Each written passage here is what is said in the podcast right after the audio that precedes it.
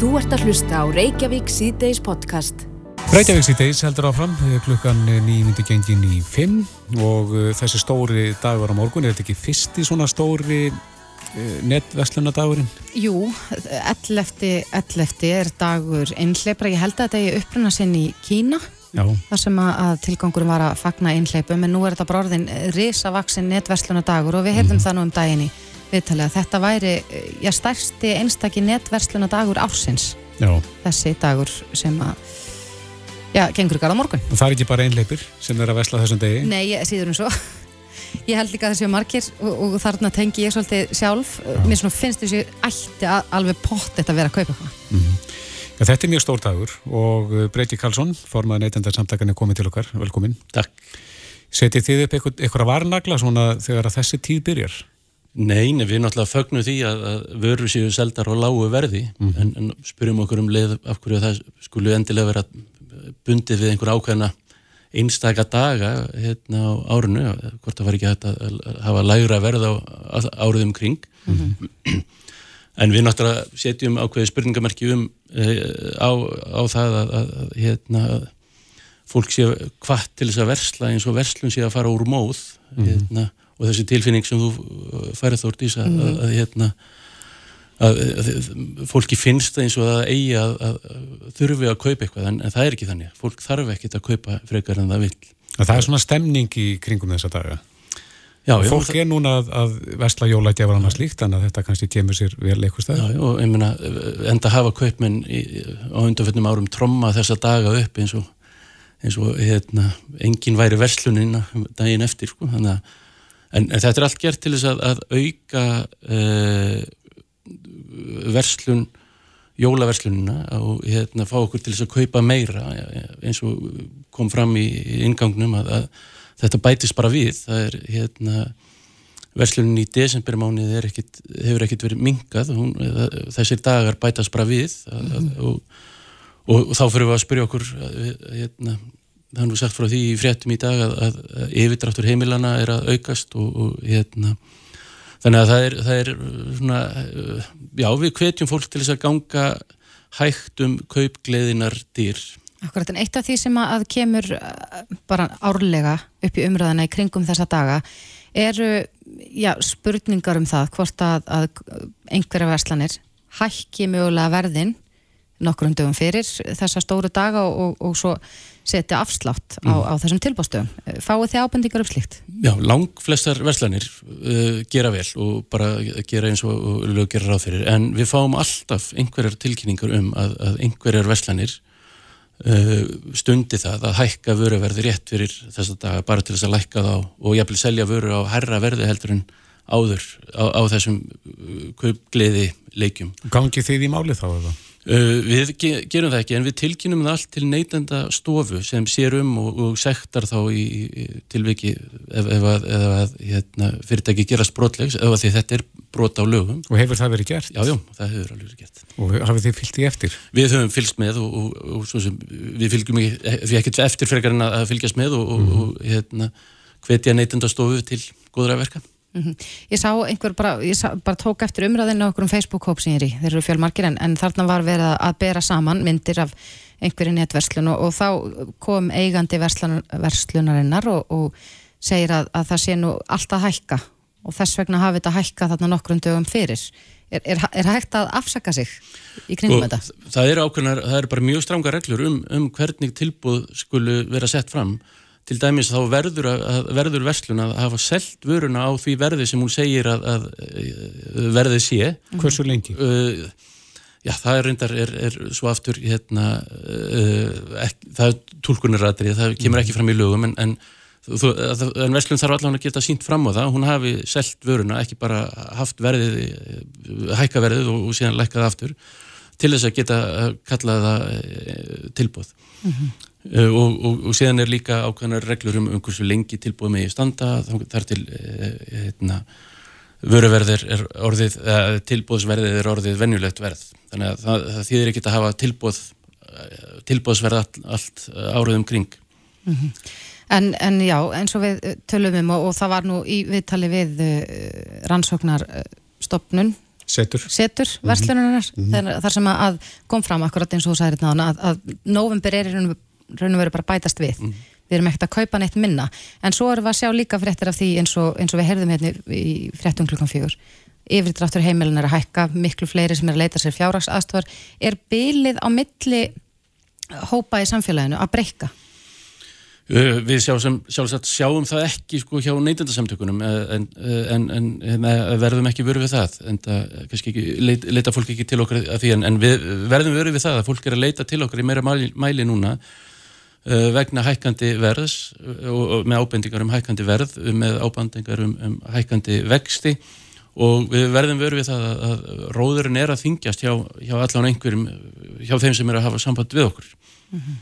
Um, en mér langar líka kannski að koma inn á það að, að í, í tengslum við þessa kaupgleði daga og, og, og, og jólaverslununa líka þá uh, sæta bóvar færis mm -hmm. og reyna að fá okkur til þess að, að hérna uh, að greiða fyrir hluti sem við erum ekki að kaupa þar sé að nettsvindl færist í aukana þessa daga og við viljum hvetja fólk til þess að vera uh, sérstaklega varkárt uh, núna um þessar myndir að, að, að passa það þegar þú ert að, kaupa eitthvað á netinu og samþyngja með uh, á, á hérna greiturkorta færslur eða, eða slíkt að það sé þú sért að borga fyrir þá vöru sem þú ert að er raunverulega að fá mm -hmm. en, en líka að, að, að þú fallir ekki í þá greifju sem, sem hérna, margir gera að, að það er einhver sveikapóstur sem á að vera frá postinum eða á að vera frá postsendingar uh, fyrirtæki mm -hmm. Uh, en er svo eitthvað, er frá einhverju allt öðru uh, hérna, fyrirtæki og þú ert að greiða einhverju allt aðra uppæðir fyrir einhverja hérna, vöru sem þú ert ekki að fá til að það eru neitandarsamtökin á samt, eh, samtökum fjármálafyrirtækja mm. og, og, og fleirum settum á, fló, á flott vefsíðu sem er taktu2.is þar sem fólk getur fengið upplýsingar og, og lesið sér til um, um hvernig er best að varast svona uh, svindl sem, sem fyrir miður færist í aukuna og þessir bóar er að alltaf vera betri og betri fyrir miður. Af hverju taktu2?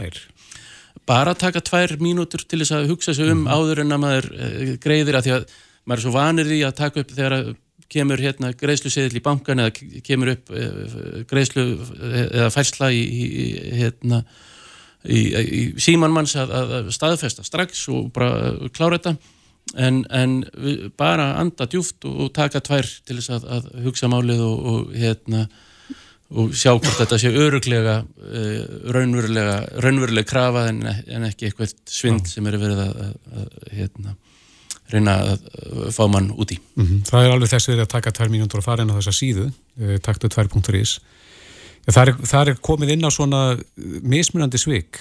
Vef veiðar er einn tegund, fyrirmæla svindl, vöru svik og svo fjárfæsla svindl. Mm. Þannig að það eru ímsir ángar úti hjá þessum svindlunum til þess að hafa peninga hóki. Já, og um þessar mundir þá er mest um þessar, um þessar hérna, uh, þessi svind, svikar uh, sem, sem uh, bóatnir þykjast vera bóðsendingafyrirtæki eða, uh -huh. eða mhm. þú ert að borga heldur þú sért að borga eitthvað auka gjald, eitthvað örfáar krónur eða örfáar eurur en, en, en síðan kemur í ljósa að þetta eru mun hærri upphæðir og, og við vitum dæmi um það að, að fólk er að já, að, að samþykja greiðslur upp á já, alltaf halva miljón en, en halda þessi að samþykja greiðslur upp á 5.000 krónur. Mm -hmm. Þannig að singulstæðurinn er á morgun með öllum þessum tilbúðum þannig að vantarlegur svikararnir þá að undirbúa sinn stóra dag á morgun líka. Já, já, og allir hinn í dagarnir sem kom á eftir, það er förstu dags hérna, fárið, Black mhm. Friday og, og, og netmánudagurinn sem kom á eftir og, og í rauninni þá, þá er þetta, þá eru aukning út bara allan, uh, alla jólaverslununa líka þannig að aftur við, við þurfum að, að ganga hægt um kaupgleðinar dyr. Já og við heyrum það við þurfum líka að vera var, varbergi annars vegar sko gagvart því að, að já, einhverja verslanir gætu mögulega verið að hækka verð mm. til þess að gefa okkur síðan tilbóð og svo líka nettsvindlið. Já. Já, við skulum vera með augun opinn núna í november, november mánuði og fram á jólum. Breki Karlsson, formaður neytindasamtakana. Takk fyrir komina. Takk, takk. Þú ert að hlusta á Reykjavík C-Days podcast. Það voru fjörug skoðanastifti á þingi í dag, í morgun, þegar að rætt varum jöfnuði samfélaginu og spurt hvort að það væri stjætt, stjættastifting í landinu. Já, eða hvort að Ísland væri stjættlöst samfélag og, og Jóhann Páll Jóhansson, þingmaður samfélkingarnar. Já, benti á það á síðast ári hefði þrýr útgerðamenn haft þrjá miljardar í fjármakstekjur sem væru um uh, þúsundföld árslaun öryrkja mm -hmm. og já, það, þetta eru skiptarskoðunar af þessu. Bjarni Bendiktsson fjármálar á þeirra, hann eh, segir að stjórnvöldi ekki að tryggja öllum sömu niðurstöðu í lífinu. Nei, og getið ekki, kannski. Nei. En e, þau eru komið til að ræða þetta og svona aðeins að fabulura með okkur um, um þessi mál. Þórun Sveipjarnadóttir, Samfélkingu og Vilján Ráðnarsson, eh, sjálfstæðarslokki, nýkjörinn rítari flokksins, velkomin. Takk fyrir ekki. Ef við byrjum með þér Þórun, mm. Eh, er hægt að ætla til þess að hér séu allir jafnir og er hægt að, er hægt að koma því við? Nei, ég held að það sé heldur ekki krafan og það eru þetta, ég get tekið undir með Bjarnar Bendiksinni að því leiti að stjórnvöld tryggja ekki sömu niðurstöðu eins og mm. hann orðaði það mm. en stjórnvöld geta hins vegar gert það sem í þeirra valdi stendur til þess að tryggja jöfnuð á milli hópa og stjætta og fólks í samfélaginu og það snýst um það að við ekki bara e, fáum jöfn tækifæri, við erum búin að tala mjög mikið um jöfn tækifæri síðustu áratíu í, í pólitíkinni en við verðum að horfast í augu við það að barn sem að fæðist inn í fátæka fjölskyldu þó svo að það fari í sama grunnskóla og barni sem að fæðist inn í efna meiri fjölskyldu þá er það félagslegu öðrum staði samfélaginu og það er mjög hægt við því og það sína rannsóknir að það verði efna lítið eða fátækt jafnvel til langframma og það er því miður þannig þó að það sé mikill hreymanleiki í íslensku samfélagi sem betur fer og, og við vitum að á Norðurlandunum er hreymanleiki í samfélagunum meiri heldur en í fyrirheitna landinu sem einu sunni var, bandaríkjónum er það samt þannig að það eru auknar líkur til þess að þau sem að fæðast inn í fátækt eða aðstæður sem að erfitt er að brótast út úr af einhverjum ástæðum eða kannski foreldra sem eru langveikir, fíklar, uh, föllu börn og tölum um innflytjandabönnin og þá hópa sem kannski er á jæðurinnum í samfélaginu, mm -hmm. að það er meiri hætta en minni á því að þau festist í, á sínum stað, inn, ef maður orðaða þannig, þar sem að þau eru upprunnin. Yeah. Það að tryggja jöfntækifæri skiptir auðvitað mjög miklu máli en það skiptir ekki síður máli að jafna uh, kjörin á milli þessara hópa og ég jafnaði maður og ég tel best að jafna kjörin með því að byrja á því að jafna kjör barna og sjá til þess að það séu engin fátæk börn til á Íslandi og það gerum við með fjárhagslun stuðningi við foreldra þessa barna. Um, hvað var það stjætskiptinguna? Þá held ég nú að að, að sko ég er ekki vissum að það sé neitt í raun og veru þeirra skoðunar ef við búum í stjættilösu samfélagi, kannski er einhver sem er þeirra skoðunar. En við erum hins vegar búum í litlu samfélagi og það er svona hefur verið svona minni menningar munur á milli fólks minni félagslegu munur við erum svona, ef, þau sem lesa bækur lesa sömu bækur, skiljiði þetta er alltaf breytast með þetta bara alþjóðavæðingunni miðlunum og öllu þessu Akkurat. þannig að við erum að, er orðið að Ísland er að breytast mjög rætt og það er ekki lengur eins einsleitt og það býr líka til nýja jæðarsetningu en nú er ég mhm. kannski meira farin að tala um svona félagslega stöðu fólks heldur en beinlínisefnahagslega en það hangir hins vegar alveg sama. Já, Vilhelmur, ert þú uh, ósamála þórinu með þetta eins og við varum að tala um, uh, sko, ef börn alast upp við ákveðnast að viljum ekki reyna að, að skapa sem mestan jöfnuð fyrir þau?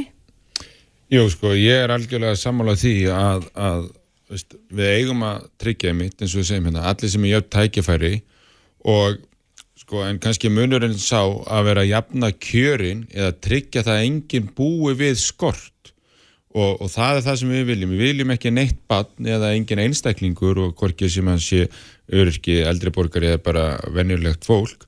Við viljum ekki að lifi við skort og þannig að við þurfum að, að tryggja það allir búið í upptækifæri og þeir búið við mannsafandi kjör og það er nummer 1, 2 og 3 og en að, að einhver megi ekki græða einhverja peninga, ég nenni bara ekki veist, að skipta mér að því sko. Veist, að, ef einhver vill vera ríkur þá má hann vera ríkur. Ef ég nenni ekki vera ríkur þá bara þarf ég ekki vera ríkur.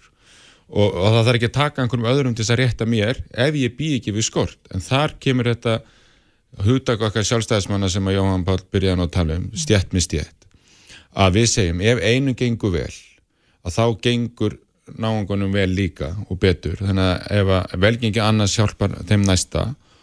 Og, og svo meðum við ekki gleyma því heldur að kjörórið okkar er þá þetta og þar kemur við að þessum skorti og, og, og fátaktinni að við viljum hjálpa þeim til sjálfsjálfar sem að hérna og þar sem að við getum. Og ef einhver getur ekki hjálpa sér sjálfur þá erum við með okkar sameilu í kerfi Þessun erum við með fría hilsugjastlu, þessun erum við með skó, skóla fyrir alla, þessun erum við með almannatryggingakerfi og allt þetta. Það er til þess að við getum greipið þá sem get ekki hjálpa sér til sjálfsjálfar og við getum ekki hjálpa til sjálfsjálfar. Mm -hmm. Er það þín skilningur og ykkar jarnaðmann að þórun að það er að taka þeim ríku og, og rétta þeim sem hallari fætti standa. Já, já, það er okkar skilningur og, og veginn hlutverk uh, skattkerfi sem segir, jú, að abla ríkinu tekna mm -hmm. en að okkar áliti að jafna kjörin uh, og hvers vegna er það mikilvægt? Það er meðal annars mikilvægt vegna þess að þau sem að bera mest úr bítum uh, gera það ekki alltaf uh, ráðherran orðaði þannig þegar hann átti orðastað eða þegar Jóhann Pál Jóhansson félagin minn var að spurja hann í þingin í dag og þá, þá sagðan sumir skara bara fram úr. Jújú, jú, fólk skarar þetta fram úr. Á fólk að fá að skara fram úr? íþróttafólk skarar fram úr og, og, og í svoleiðis keppni skarar fólk fram úr. Mm -hmm. og það er allt í lagi, auðvitað má fólk skara fram úr og vonandi höfum við flest fengið tækifæri til að gera það á einhverju sviði í líf okkar. En þú, það verð ekki allir ríkir af því þeir eru svo frábærir og döglegir sömur fá upp í hendurnar auðæfi mm -hmm. til dæmis rentuna af samílum auðlindi þjóðarinnar sem að alveg er hægt að halda fram að þau hafi bara verið, þau voru réttum stað á réttum tíma, þau voru útgerðarfjölskylda sem að seldi á réttum tíma. Og ég er ekki að gera lítuður framlægi e, þess fólks til ferrar aðunugreinar, ég er bara að segja það að ef að þú ert með sko, hvað var það þúsund miljónir, ne ekki þúsund, hundra miljónir í, í fjármastekjur á ári þá er það e, sko kannski ekki endilega mæli kvarði á það að þú sitt betri en aðrir, kannski ertu bara hefnari en aðrir. Og svo ertu með hinnahópana sem að tökum sem dæmi fallað fólk, tökum sem dæmi einstæða fóreldra eða börn sem búa hjá tveimu fóreldrum sem að vinna í lálunastörfum uh, þau eru að sjálfsögða að fá öll sumu tækifárar allir aðrar.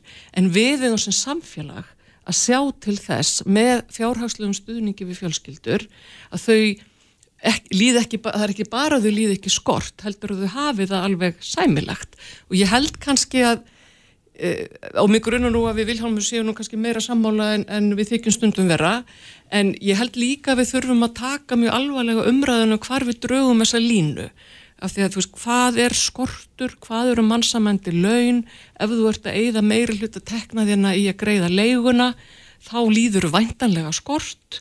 Og það er þessar upphæðir, þessar fjárhæðir sem við þurfum að, þurfum að ræða. Og við vitum til dæmis að batnabætur sem ég vil nú bara kalla fjölskyldustuðning er byrja að skerðast við svo lágar tekjur að það eru í raunin eins og fátækrastyrkur. Og það, sko, það jafnar ekki stöðu fjölskyldna í samfélaginu.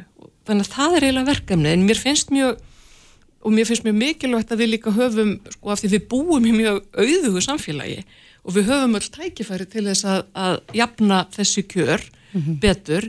En við verðum líka vera svolítið heiðarlega með það að, að þeim sem vegnar vel í samfélaginu vegnar oft vel af því að samfélagi gaf hann tækifæri og við komum til gatu þetta nýtt þau og það er mjög mikilvægt mm -hmm. og það er ábyrðahluti að maður fær tækifæri að nýta þau vel en það er ekki af því að þau eigi eitthvað meira skilið en hinn sem að til dæmis mistu starfskettuna af því þau lendi í slísi eða eitthvað annað. En sko slísin og veikindin hefur spyrið ekkit um fjárhástuðuna þannig ég skil aldrei akkur við erum alltaf að tala um velgengni og skara fram úr lífinu og tengja það við peninga sko. Ég, það er ekki mín heitast að óska að vera teknið peningar einhverjum og tryggt að ég er 100 miljónir á bók sko. Ég bara, veist, ég myndi ekkit það er ekki líf sem ég myndi velja mér að eiga hafa 3000 miljónir í, fjármástekjur sko Vist, þá er ég bara með eitthvað aðrar áhyggjur ég er bara vel það að mín velgengni í lífinu er einhvern veginn öðruvísi sko. mm -hmm. og, því skil ég ekki ekkur við þurfum alltaf að fara inn í einhverja fjármunni og öfinsíki í þessar umriðu ég vil bara að ég hafi tækifæri til þess að haga mínu lífi og, og ná og, og það er nefnilega oftar en ekki að þeir sem skara fram úr er einmitt þeir sem fengu ekki allt upp í hendunar þeir sem að fá peningana og allt upp í hendunar, þeir lenda nú oft bara við villum vegar sko. mm -hmm. þannig að ég, ég, eigum ekki að vera að tengja þetta við einstaka útgerðamenn eða einstaka hérna, lukkurittar sem að bara græða pening eða erfan eða eitthvað svo leiðis við höfum bara að tala um hvernig hérna, fólk getur tekið ábyrðu sínu hjálp, lífi sjálf með hjálpaði til sjálfsjálfar og, og, hérna, og þau velja sín farveg. Þau geta lagt mikið á sig um að læra um viðskipti og, og fara þá brauti eða vilja eiga mikið af pinning og þau geta líka bara lagt á sig að læra eitthvað sem þau líður vel í vinnunni og fá næju laun. Og við þurfum að ræða þetta svolítið þannig og það var áhugavert um þetta að heyra svo upp af þessari fyrirspilnari í Óanni Páli til fjármálaráður í morgun. Hann tók það fram að, að fjármálaráður mátti ekki koma með starindi máls á, hérna, sem svör við málinu sko. Það mátt ekki segja að Ísland verði með mesta jöfnuðin og Íslandi væri mestu tækifærin og allt það.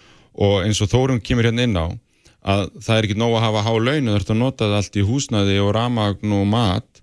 Og því hefur við kannski lagt gríðarlega áherslu á kaupmáttin, hver er kaupmátturinn? Og allar tekjutíundunar, allir tekjuhóparnir í Íslandi hafa verið að fá aukinn kaupmátt undan fyrir ár og búið við hann mesta bara aukninguna í löndunum sem við björum okkur saman við. Og þar skiptir máli að húsnæðisverðið sé gott þannig að vinir hennar þórunar í Reykjavíkuborg sé ekki að keira hér upp húsnæðisverðið með skorti og að, að hérna, orkukostnæðin sé ekki að hækka og það sé hérna, það er búið að vera lág verbulga og vextinnar hafa verið að lækka út af ábyrgri fjármálastjórn allt skiptir þetta máli og sérstaklega fátakafólki það skiptir það mestu máli að hér sé að við komum veg fyrir vextahækkanir veg fyrir verðbólguna og allt þetta, það skiptir öllu máli sko. Já, ég, ég held að þetta, þetta snýst ekki um öfundsvík, þetta snýst um grundallar réttlæti spurningar og þetta snýst um það að fólk geti lagt til samfélagsins í samræmi við tekjur sínar og það eru þetta þannig að sem betur fyrir höfu við flest val um það hvernig við lífum, lífum líf okkar og hvernig við viljum verja þeim launum sem við fáum. En lífskjörin verða til í samhengi við skattheimtu við samhengi við samfélagi sem við búum í og við getum ekki litið fram hjá því að þó að við mælumst vel á ákveðnum stöðlum, í, í, oft er talað um gíni stöðlinn og hann mælir ákveðna hluti þá verðum við að horfast auðvið það að það eru of margir, það eru of mörg börn, það eru of margir sem að búa við örorku og það eru of margir efnalitlir fóreldrar sem að get ekki síða sér farborða á laununum sínum og, eig, og þá verða börnum þeirra fátækt, fátækt líka og það er, mér finnst það samfélagsleg skild okkar að skatleggja með þeim hætti að við jöfnum þessar byrðar. Er það ekki frekar samfélagsleg skild okkar að fá tekjur ríkisjóð til þess að standa undir þessum samiljögu kerfu og nú erum við búin að lækka töluvert skatta síðan 2013 ánum að veru göld og allt Já. og auka kaupmáttin og sama tíma hafa tekjur ríkisjós aukist og íkvæðu nota tekjur ríkisjós við erum búin að auka framlega almanna tryggingar um 100% úr 40 miljónum í yfir 80 virkunu komið til þess að hjálpa þeim sem er lenda á örorku og við erum að fjármagna það. Við erum búin að taka hérna millitherippið út og, og við erum búin að vera að hækka legstu laun og og við erum búin að gera helling til þess að hjálpa þessum hópum og, og, hérna, og hjálpa þeim sem minnst hafa og skattabreitingan hafa verið gert í því. Og við hefum ekki þurft að hækka neina skatta til þess, svo það séur hreinu. Læri skattar, meiri tekjur. En við erum samt þar og ég mættu nú alveg byggjum annan þátt um skattabreitingar þessari ríkistjórnar en hérna það er samt búið að skerða tekjugrunn sem maður takir nú þannig til orða uh, ríkisins með þeim hætti að það tala um að það er vanti 40-50 miljardar í hvað vantar okkur þessa peninga? Hvað vantar það í heilbriðiskerfið og velferðarkerfið. Við erum með kerfi sem að eru ekkert sérstaklega vel haldinn. Og þau eru hluti af lífskjörunum. Það er hluti af lífskjörunum og þú getur fengið eh, heilbriðisjónustu þú þarft á hann að halda og þú þurfur ekki að borga of mikið úr eigin vasa og helst ekki neitt ef þannig ber undir. Og það eru þessi kerfi og við sjáum það svo vel núna eftir faraldurinn eh, þarf ekki að segja mörgorðum stöðun í heilbriðiskerfinu en það er alveg sama hvernig á það er litið við þurfum að setja meiri, meiri mhm. peninga í það og það er óskup einfallega þannig að ríkistjórnum sem að Vilhjálmur stiður hefur ekki viljað skatleggja til dæmis eh, aðgangin að samílugum auðlendum okkar með sangjörnum hætti. Ég bara fer ekki ofan að þeirri skoðun minni og það er hlut af þeirri, þeim breytingu sem við þurfum að gera. Einmitt. að því við búum ekki í sko brauðmála hagfræðin er bara, það er búið, bara búið að slá hann út á borðinu. Já, ég verð samt- samt að fá að segja- að Já, ég verð samt að segja að þessi 40-50 miljardar sem erum að tala um sem er búið að skerða hérna, skatt hérna, kerfið, hva- hvar eru þeir peningar? Þeir eru hjá fólkinu sem minnst hafa milli handana, að skattkerfisbreytingunum að skattbyrðin lækki mest á þá sem minnst hafa þannig að þar eru þessi peningar. Þannig ég trú ekki að Þórun ætla að fara að skattleggja þau aftur til þess að setja inn í heilbriðskerfi þar sem við þurfum að Nei. nýta peningana betur. Það saði ég ekki. Og skattleggja þá sem en að geta. peningarnir eru hjá þeim. Þeir segja við sem búin að veika er ekki peningarnir eru hjá fólkinu sko. Er Við verðum að setja punktin hérna, Þórun Sveimjörnadóttir og uh, Viljálmur Átnarsson. Kæra þakki fyrir komina. Takk. Sem leiðis Þetta er Reykjavík C-Days podcast. En talandum að reikna, uh, nú erum menn fannir að brína sig fyrir kjara viðræður Já, svo sannlega. sem að fara að hefjast og uh, við heyrim í fréttum í dag að uh, það er ónæja hjá BHM varðandi virði mentunar þegar það kemur að því að reikna út laun. Akkurat, uh, BHM kynnti í morgun áherslu sína fyrir kjaraviðræðurnar og uh, þau ætla að fara fram á prósentu hækkanir, það verður stærsta krafa félagsins, en samlega þessu þá voru, var byrt nýrannsók sem var unnin af Hagfræðastofnun Háskóri Íslands á virði mentunar í alþjóðlegum samanburði. Ég held að spurningin sé svo borgar sig að, að menta sig. Já. Hvað segir Viljálmur Hilmarsson, hagfræðingur BHM sem er komin hingað, velkomin. Takk fyrir. Er, er virði mentunar ekki reiknað inn í, Inn í launin. inn í launin núna eins og það ætti að gera kannski? Sko í fyrsta lagi erum við að sjá það að það hefur dreigi verulega úr virði mentunar uh, bara allt frá hruni og mest hjá ungu fólki og uh, konur bara óhað aldrei til dæmis á ofinbæramarkanum eru bara í rauninni að vinna á afslætti uh, fyrir samfélagið. Við sjáum til dæmis að, að sérfræðingar hjá sveitafélagunum án stjórnenda sem er 80% konur mm -hmm. hefur með 4.000 í tímakaup meðan allir kalkinn sérfræðingar á almennamarkanum er með 6.300 þannig að við erum að sjá alla kalla á almennamarkanum við erum með að meðaltæli með um 50% hærra tímakaup heldur en þessu konur þannig að við erum ekki bara, við erum ekki að benda á endilega eða segja að mentun sé yfirleitt yfir allt samfélagi vannmetin En er þetta ekki bara munur á almennamarkaðanum og hinn ofinbyrða? Frekar heldur en munur á milli kynja? Uh, sko kynskipti vinnumarkarum byrtist aldrei því að uh, konur eru uh, að með minni helmingu hvern á íslensku vinnumarkaði vinnu hjá hún ofnbæra. Þetta er mjög kynskiptur uh, markaður og, og það vil svo til að uh, því herra sem hlutsall hvenna er, því læra er uh, tímakaupið. Og jú, það byrtist mikill munur, ég meina lægst launustu sérfræðingar landsins eru um, hjá hún ofnbæra og eru miklu meiri hlutu konur. Og við höfum líka bent á það að það hefur aldrei myndast markaðsverð fyrir þessu störf. Er, að það erum við er að tala þá um þessa kvenna stjettir innan gæslepa? Já, veistu, ég þetta er nú umdeilt sko en mér leiðist að nota kyn sem fórskiti við stjætt en það er svona Mhm. En það er lengra staðarind, sumarstjettir eru kvennastjettir samtal. tölfræðilega já, staðarind já. og, og talað um að það skipti máli þegar kemur að síðan myndun launa. já, það, það virðist vera að, að ég veit ekki hvort að, að það sé um, það með skýra með kyninu en þetta er allan að grunnsanlegu munur sko á milli þeirra stjætta sem eru meiri hluta konur Mhm. og annara íslensku samfélagi sérfræðingstjættana En, en hver er, uh, út af því að þessi rannsókn hefur verið gerð uh, víða um heim, ekki verið gerð hér áður, skildist mér, og uh, er það þess virði að menta sig á Íslandi? Hver er, er hægt að, að koma með einhverja slíka niðurstu? sko það borgar sem mun síður að menta svo í Íslandi heldur en í, í öðrum löndum. Uh, við erum að meta sem svo að arsemi fyrir einstaklingin á háskólanámi ef við tökum tillit til alls kostnaðar fórna vinnu á námstíma og, bein, uh, og bein, svo, svo beinútgjöld og horfum svo á tekju ávinningin yfir æfina. Arsemin að þessari fjárfestingu er uh, hvað minnst á Íslandi bara í OCD samanbyrjunum. Er það yfir línuna þegar þú tekur öll, alla starfstjettir sem Já. að hafa farið í gegnum háskólanám? það er bara meðaltal uh, fyrir markaðin en það eru stjættir til dæmis eins og uh, þessar stjættir sem eru meiri hluta konur um, tek bara sem dæmi þroskaþjálfa mm -hmm. sem eru bara með mínusarðsemi af háskólanámi sínu. Þessar ummönunast eftir? Já, þá er það af einhver, ég veit ekki, af einhverju hugssjón sem að, að það, það eru einhverju aðri þættir heldur en, en eh, fjárslið þættir sem að stýra því að, að fólk velur þetta nám, það er alveg ljóst. En svo erum við með lokkfræði og viðskiptafræði og slíkt. Mm. Breytir það stöðinni? Um, er, eru þessa stjettir með, með þá vantala herri laun það að borga sig að fara í háskólanam og læra hérna sömfög eins og lokkfræði og viðskiptafræði?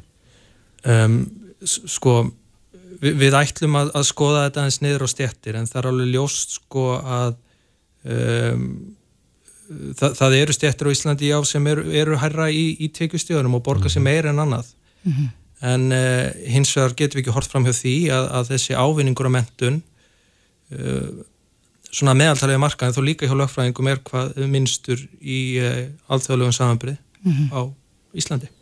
En, en á fundurum í dag þá kom fram að, að krónutölu hækkanir síðast ára hafi leittið þess að borga sér síður að fara í skóla hér heldur en annars þar mm -hmm. og þetta er kannski, er þetta ykkar leitt að vera að brína sverðin fyrir komandi kjara viðræður?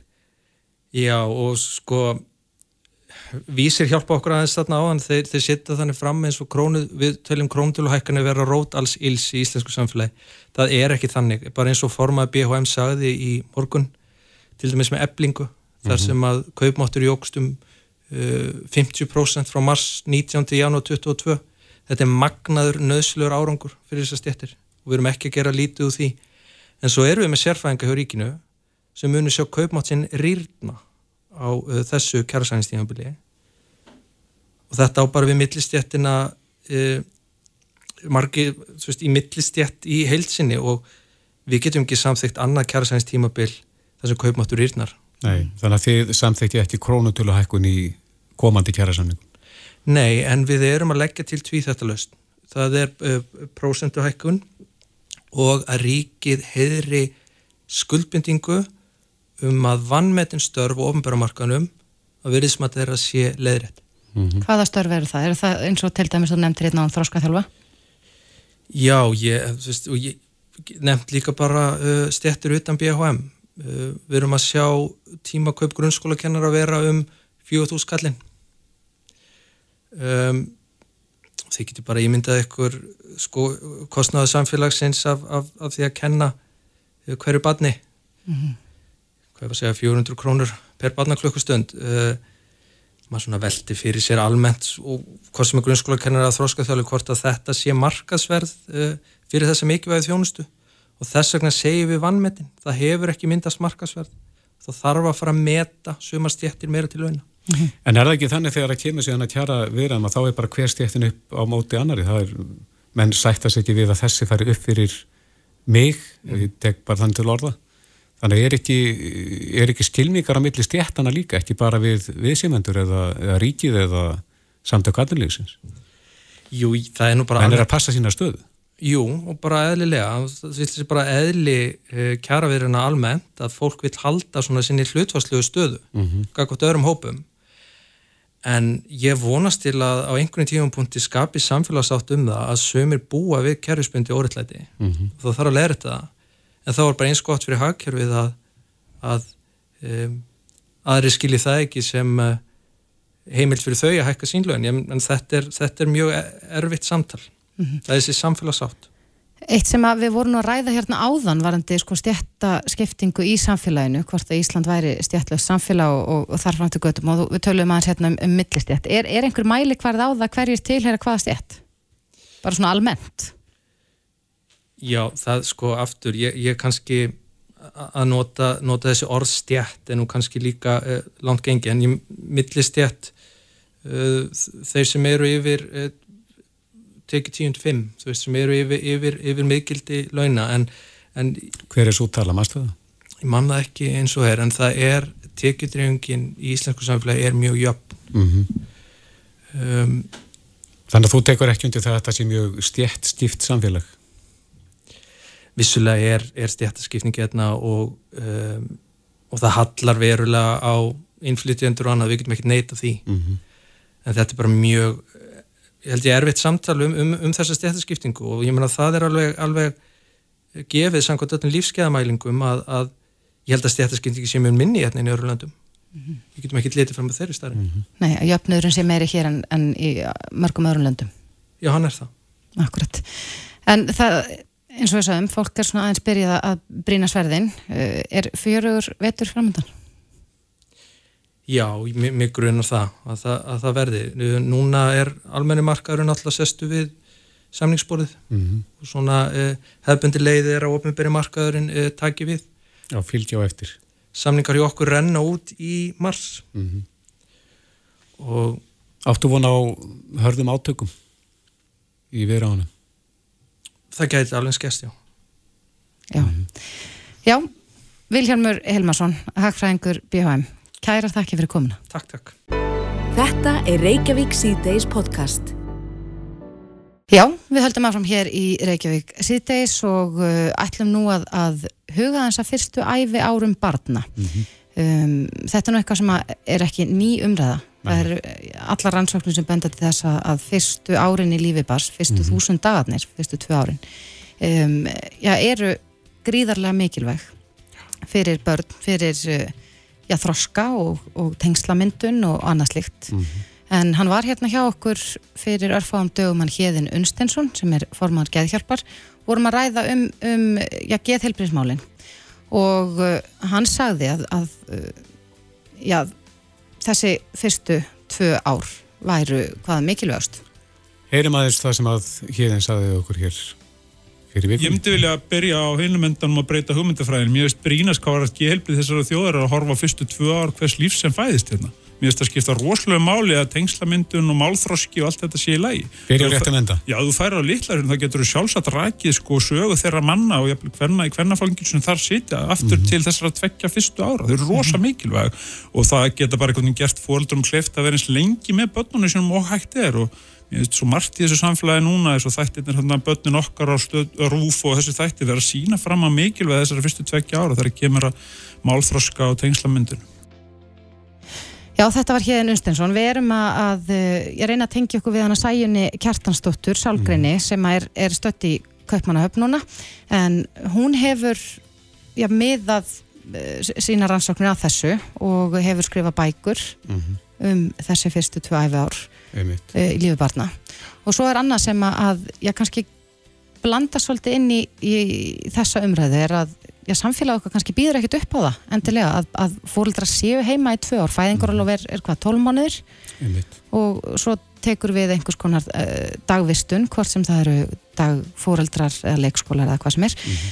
en hún, Sæjun Kjartansdóttir er komin á línuna, kom til Sæl Sæjun Blessuðu Sæl Við vorum í vandræði með að ná í þig en við spilum hérna rétt á hann um, smá bút úr viðtali sem við, við eh, tókum við hann Híðin Unstensson fyrir vikunni okay. en hann sagði Já. það að uh, honum þætti að brínast varandi geðheilbriði þjóðarinnar að horfa á fyrstu tvö ár í lífi bars. Erst þú samála því? Já. Ég er auðvitað algjörlega samála því og ég, ég sko, það er náttúrulega svo mörg að taka í þessu en ég held að við þurfum kannski að byrja því að skoða. Ég held að séu ósæðlega rótgrónar hugmyndir bara í samfélaginu um að störf sem að konur hafa synd og sérstaklega náttúrulega umönnum störf og ég tala ekki um kakort bönnum að það eigi kostanýtt að þetta, þetta sé ekki verðmættasköpun mm -hmm. og ég held að við höfum um þetta að horfa kannski 50 ára eftir í tíman það hefður ekki þótt fáranleg höfmynd að ætla að borga fóröldrum fyrir hugsun börnin sín. Mm -hmm. En það er það sem við gerum í dag með fæðingarólofinu og ég held að öllum þykja sjálfsagt og sjá hvað það er mikilvægt og ég held að sé mjög margt sem mæli með því að við lengjum það fyrir þá fóröldra sem það kjósa. Það er ekki alls ekki allir fóröldra sem vilja það. Nei, hvað þyrsti og, þetta leiði að vera langt launað? Það væri mjög gott að vera tvö ár. Ég held að höfum að stefna því. Að lengja það um helming? Já. Já. Og við myndum kannski gera það í áfengum en, en ég finnst líka þegar að gefa fóröld, við verðum að hafa í huga að fóröldrar eru bara ferskur þeirra samfélaginu og það eru alls konar fólk, ég menna það er ekki allir sem að njóta þess að vera með börnum eða að vera til þess hæðir að vera allan dag með börnum sínu mm -hmm. og við höfum alls ekki setja hvort í fóröldrinni börni þá stöð, stöðu heldur að auka valið en við verðum að tryggja að þeir sem að annars börnin í fjörður og fóröldrana að þeir hafi til þess getu og færni, þeir hafi þekkingu og skilning á börnum og geti stundum eins og þau þurfa. Ef að þetta, ef að þetta er það að, að veruleika, að mm. fæðingaróla verði lengt í tvö ár, er hægt á því að, að þetta myndi já, bytna á þeirri jafnbreyttis baráttu sem hefur átt sér stað undan farna ára tugi, að, að konur myndu frekar hverfa aftur inn á heimilin uh, í þennan tíma? Já, það eru auðvitað umhúsum vefnu, auðvitað óttur sem kemur alltaf við hvort þeir fara að senda konurnar heim aftur. Ég held að þegar þessu var breytt á sínu tíma það hefur verið algjörlega nöðsynlegt og bara óhjákvæmilegt. En við, skul, við búum ekki alveg við sem aðstæður við gerðum fyrir 40 árum, en samfélagi er mjög breytt. Og ég held að margir auðvitað vantar mikið upp á launægjabrætti kynjan og við þurfum auðvitað að halda áfram að vinna því að því það er áhættu þáttur að það, það fóröldruna sem hefur betri launin farið fyrir ekkar út af heimilinu mm -hmm. en hins vegar ég hef unni með mjög mörgum fóröldrum og ég finn mjög mikið vilja hjá fæðurum til að vera heimil á börnunum sínum til að taka meiri þátt í lífið þeirra Já. og þetta eru samfélagsbreytingar sem eru, við getum ekki borðið alveg saman sko 1980-2020 mm -hmm. En Sæðan, þú segir að það væri best að, að lengja fæðingur á lögum með helming, þar að segja að hafa þetta tvö ár. Og nú eru vantarlega einhverjir sem að hugsa um ríkis fjármálinn sem að, sem að sko grípa andan á lofti. Alveg öruglega Þetta er svo kostnæðasamt Já, þetta er kostnæðasamt, það er engin spurning. En ég held að þetta sé ákveðin sko ránkursin sem við erum fyrst í að halda það að annars fólk og sérstaklega börn eigi ekki að kosta peninga. Mm -hmm. Já, það myndi kannski spara á hinum endanum ef við myndum laga geðheilbriðið þjóðarinnar. Það er bara búið að rekna það út af, af hagfræðingum og, og reknustekulantum að ef þú sinnir þessum tíma vel þá sparar þú gríðarlega farmanni, þú sparar margfald það sem þú leggur í þetta mm -hmm. þegar þetta er lengri tíma er litið. Akkurat. Þú gerir það í félagskerfinu, þú gerir það í metakerfinu, þú gerir það í skólakerfinu. Já. En ég, ég efast nú ekki um það að, að það eru fjölmarkir fóreldrar, bæði sko mæður og feður sem myndu vilja uh, dvelja lengur heima þegar að uh, börn eru ung, en á meðana að já, samfélag okkar er svona uppbyggt, við, við fáum útlutað einhver ákveðnu uh, fæðingarólofi og margir þurfa að hverfa aftur á vinnumarkaðin, en hvað er hægt að gera uh, á þeim, sko, ef maður hittir bara börnin sín á mótnana og eftir dagvistun? Hvað er þá mikilvægast að gera á þeim tíma sem maður er með börnunum til þess að ebla tengslinn? Það er að gefa þeim tíma og þú þarf ekki að gefa þeim allan tíman sem þau eru vakandi en að gefa þeim afmarkaðan tíma þar sem þau fá fulla aðtikli frá þér og ekkert annað, það er engin sími þú ert ekki að gera neitt annað en að veita þeim aðtikli mm. ef að það er vennjan þegar börn koma heim úr leikskóla eða skóla þá er hægt að gera rosalega góða hluti Heldur að séu aldengt í dag að allir fjölskyldumæðlumi bara hverfin í tækjusinu þegar heima komið? Ég óttast það svolítið og ég menna það eru tækin og það eru alls konar verk sem það er að vinna það er að laga matin og fara í búð og gera allan fjandan mm -hmm. en ég held og það, þeir fóröldur sem ég þekki sem hafa gert þetta reglu að gefa batninu að setja það í forgang, kannski hálftíma mm -hmm. það sem er full, full aðtegli bara á því og ekki, ekki, ekki með einhverju spurningaflóði heldur, og verkefnum heldur bara að gefa sér tíma til að vera með því og lefa því að ráða ferðinu 30 myndur, dögur það til? Ég myndi byrja á því, já og það gerir, ef þú gerir þetta hvernig degi það breytir ótrúlega miklu, ég get lofaði því mm -hmm. Hver er helsta hættan, sko ef maður hugsa um þessi fyrstu tvö æfi ár í lífi barna og uh, já, börn kannski fá ekki uh, næga aðtegli eða, eða mynda nægilega sterk tengsl hver er þá hættan síðar mér á lífsleginni? Já, hættan er þetta svo að sko hvaða áhrif streitan hefur á þau. Því batn getur ekki ráðið við sín eigin streitu på eigin spýtur. Það þarf hjálp þess að ná henni niður. Mm. Og vanlegasta leginn til þess er einmitt nálega við aðra mannesku. Því ef að börn fá, ef að streitan verður alls ráðandi þá fara þau að reyna að ná henni niður með sínu bastlegu leiðum sem er kannski að hafa rosa hátt og vera rosalega krefjandi til að ná í einhvern fullorðin eða líka þau geta bara látið sér hverfa og það er ósala þægilega því þau óttast kannski að trubla mm -hmm. og ef þetta verða bjargráðin sem að fá að verða óáreitt þá getur við séð fyrir okkur hversu, hversu mikið vanda það getur skapað til lengri tíma Akkurat Snerting skiptir hún miklu máli á þessum fyrstu árum? Snerting, auksamband, þú veist, að vera til staðar og vera ekki endilega alltaf með eitthvað prógram, heldur að vera á staðnum og geta brúðist við batinu eins og það þarf. Okay. Ekki að, þú veist, einnig, ég segi, segi, ekki vera með spurningaflóði eða fullt af verkefnum, heldur bara vera þarna. Já, þetta eru þetta eitthvað sem að ratar alltaf inn í, í þingsal öru kvoru, spurninginum um að lengja fæðingurála við ekki. Ertu bjart sína það að, að, að það myndist eitthvað sátt um þetta að, að Já, hversu miklu máli það skiptir? Þetta verður gert, það er bara spurning hversu langan tíma það tekur. Við erum að róa í þá átt. Við heldum því meira sem við lærum um þarfir batna og áhrifstreitu að því, því bara, það er óhugsandi annað en að fara í þessa átt. Það er bara spurning hvað vil maður taka mikinn tíma í það. Einmitt. Já, og ef við strykum aðeins undir, svona fyrir þá sem að eru að hlusta og vilja gera betur fyrir börni sína, þá eru 30 mínútur á dag sem að skipta gríðalegu máli upp á geð helbriði barnana. Já, þar sem þau fá fulla aðtegli. Þau þurfi ekki að hafa aðtegli allan daginn, Nei, en þau þurfa að fá hann einhver tíman. einmitt. Sæjun Kjartansdóttir, Sálgreinir, kæra þakki fyrir spjallið. Já, takk sem er leiðist. Reykjavík síðdeis á Bilginni podcast. Við höldum áfram hér í Reykjavík síðdeis og klukkan er 12.06 en um, í dag byrstist greinin á vísi.is sem byr heitið að dansa í kringum gullkálfin. Þar er hann Ágúst Bjarni Garðarsson, þingmaður framsóknar uh, að skrifa og hann segir hér að hann ætla að höfða til samvisku banka og tryggingafélaga sem með aðgerum sínum á stefnu geta haft mikil áhrif á lífskjör fólks í landinu. En með hvaða hætti? Uh, hann er á línu eins og segir. Ágúst Bjarni, kom til sæl. Já, komið sæl.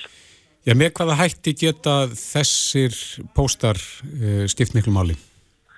Uh, já, ég, hérna, auðvitað eins og aðrir er uh, tölvert hugsi yfir stöðinni. Við sjáum þá bara til að mynda á kröfu gerðum verkalýsfélag að, að það stefnir í að ég held nokkuð þungar kjaraviðræður og, og hérna og þá er það kannski okkar ábyrð að, að hugsa og velta fyrir okkur hvað við getum gert öll saman til að ná fram einhverju raunhafri niðurstöðu sem er góð fyrir uh, samfélagi allt. Mm og það er bara einfallega vegna þess að uh, við finnum fyrir því allstaðar, við finnum fyrir hækkunum í samfélaginu hvort sem, að, hvort sem um er að ræða lán, leigu, oljuverð, bensín eða matur og, og þetta allt saman leggstu þetta bara á, á heimilinn og, og fjölskyldur í landinu. Mm. og eins og ég nefni nú í greininni að þá, þá kemur þetta auðvitað ofan á allt annað sem er verið að greiða og, og ég nefni og tiltek sérstaklega hérna tómstundir og, og skólamáltíði barna fyrir þá sem eru í þeirri stöðu.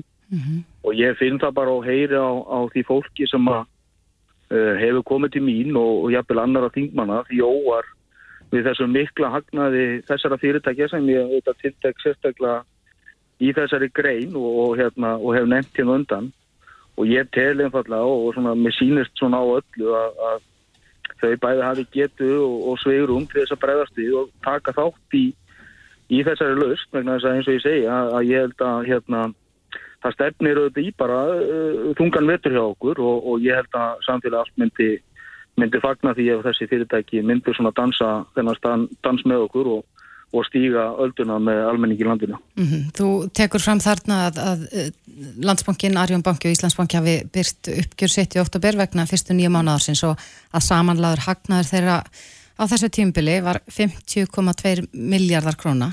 Mhm. Uh, hvernig geta, ef við tökum bara þessa banka sem dæmi, hvernig geta þeir lagt almenningi lið?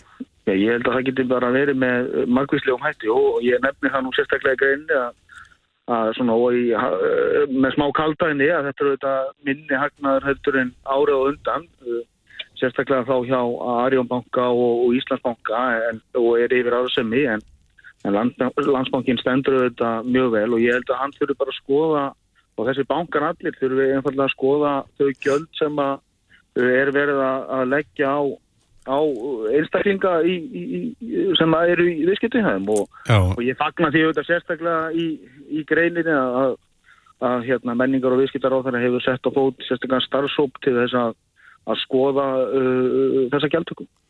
en er ekki eina leiðin fyrir almenning í landinu að mæta þessum útgjald auka með því að, að krefjast herri launa? Jú, jú, vissulega er það einn ángi og ég meina það, við sjáum það bara eins og ég segi, við sjáum það bara á þeirri kröfukerfum sem hafa verið dyrtar að, að það eru mikla kröfur um, um mikla launahekkanir og ég held að þurfi ímislegt annað að, að koma til svo að við getum náð einhverju, svona eins og ég segi, einhverju raunhafri lausn uh, fram í þessu máli. Og þar þurfum við allir einhvern veginn að taka þá. Uh, þar, þar munu uh, líklega koma, koma til einhverja hækkan á launum og ríki mun þurfa að koma á málum en ég held að það sé mikilvægt líka að, að börðu fyrirtæki sem að svona kannski daglegu tali eru kallið breyðu bökin komi, komi þarna inn og, og taki þátt í að leysa þessi mál. Já það þarf eflust nokkra aðila að borðinu eins og þú tekur fram hérna þá samkvæmt verðlas eftir liti ASI hefur út, hækkun útgjald hjá fjóramanna fjölskyldu í eigin húsnæði numið alltaf 128.607 krónum á mánuði. Já, og þetta eru bara umtalsvara hækkanir og þetta er þetta býta bí, býtur heimilinn og, og, og bara einn venjulega launamann, svo má segja, þetta eru umtalsvært miklar hækkanir og við sjáum það bara, við finnum öll fyrir því þegar við förum í maturubúðina að, að mataran er að hækka, uh, lánin okkar hafa hækkað umtalsvert og, og þó svo að, að staðan sér kannski þannig í dag að, að leiga hefur ekki, ekki hækkað jægt mikið en þá held ég að við séum að sjá fram á það bara með nýjastu ákvörðan Sælubankans að leiga muni svona ég gerir ráð fyrir því hún muni hækka umtalsvert á, á næstu mánu mm -hmm. og jafnvel gera það nokkur hægt. Einmitt, þú ert fyrst í varaformaður efnaðs og viðstýttanemnda þingsins þannig að þið vantalega fáið krefjandi verkefni á komandi kjara vetri Hvað getur, hvað getur ríkið gert og hvenar á ríkið að koma inn í uh, undirbúinu kjaraðirana? Já, ég kannski alltaf ekki að útlista einhverja eh, nákvæmra aðgerðin. Ég held að verður bara saman på tegningum í þessum kjaraðirraðum eins og öðrum að ríkið miðlu þetta koma með eitthvað inn í, inn, í, inn í þessar viðræður.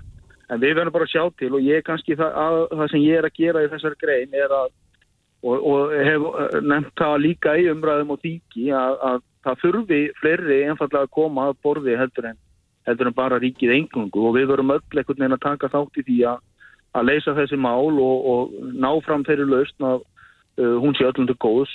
Ekki auðvitað uh, fólkinu í landinu líka en, en svo verður við líka auðvitað að horfa til þess að, að bæða aftunulífið og sveitafjöliðin verða líka að ráða, ráða við þennan bytta. Akkurat. Eh, þú nefnir auðvitað þarna sko annars vegar já, tryggingafélag og svo banka mm -hmm. og, og myndist á þennan starfsóp sem að, að ráð þeirra hefur skipað. Mm -hmm. Er það þín tilfinning að, að já, gjöldin til almennings mættu vera læri? Ég, ég held að við sjáum það bara þeim hagnaði sem bankarnir eru að skila og það sem ég vil kannski líka segja og nefni auðvitað í, í þessu öllu saman, það eru það eru tryggingarnar og við sjáum það bara og heyri það frá fólki og þetta fundir fyrir því sjálfur. Ég veit að aðri gera það líka, ég geta hafa hækkað verulega og við erum að sjá það að fólk er að greiða á bylunum 40-55.000 á mánuð í, í tryggingar á líf, bíl og, og heimilistryggingum og við getum ekki leift okkur að stefna í þá átt að tryggingar verði uh, bara á færi þeirra efna meiri. Nei, en þarf ekki ríkið og hefð ofenbæra að, að taka þátt í þessu? Sjálfsögðu. Og það er bara eins og ég segi ég menna, þannig hefur það verið Við erum að tala um fastegnagjöld og, og slíkt sem að kannski Já, já, við sjáum það núna, nú eru sveitafjöluðin að leggja fram flest öll eh, fjárasáallun sína í, í fyrru umræðu. Og við sjáum það, ég er bara ekki nefnt bara þessi sveitafjölu á höfuborgarsvæðinu þekki það kannski aðeins betur og í mínu kjörtami að flest öll sveitafjölu eru að reyna stilla fastegnagjöld með þeim hætti að það hafa auðvitað verið braktar hækkanir og fastegna mati mm -hmm. og sveitafélagin er að reyna að stilla þetta þannig að að þú mikla hækkun lend ekki öll á íbúum og mér finnst það bara mjög skynnsana. Já, eh, við komumst í mér ekki lengra. Ágúst Bjarni Garðarsson, þingmaður framsóknar og fyrsti varaformaður efnaðs og viðskiptanemdar. Kærar, þakki fyrir þetta. Bestu þakki, takk. Hlustaðu hvena sem er á Reykjavík C-Days podcast.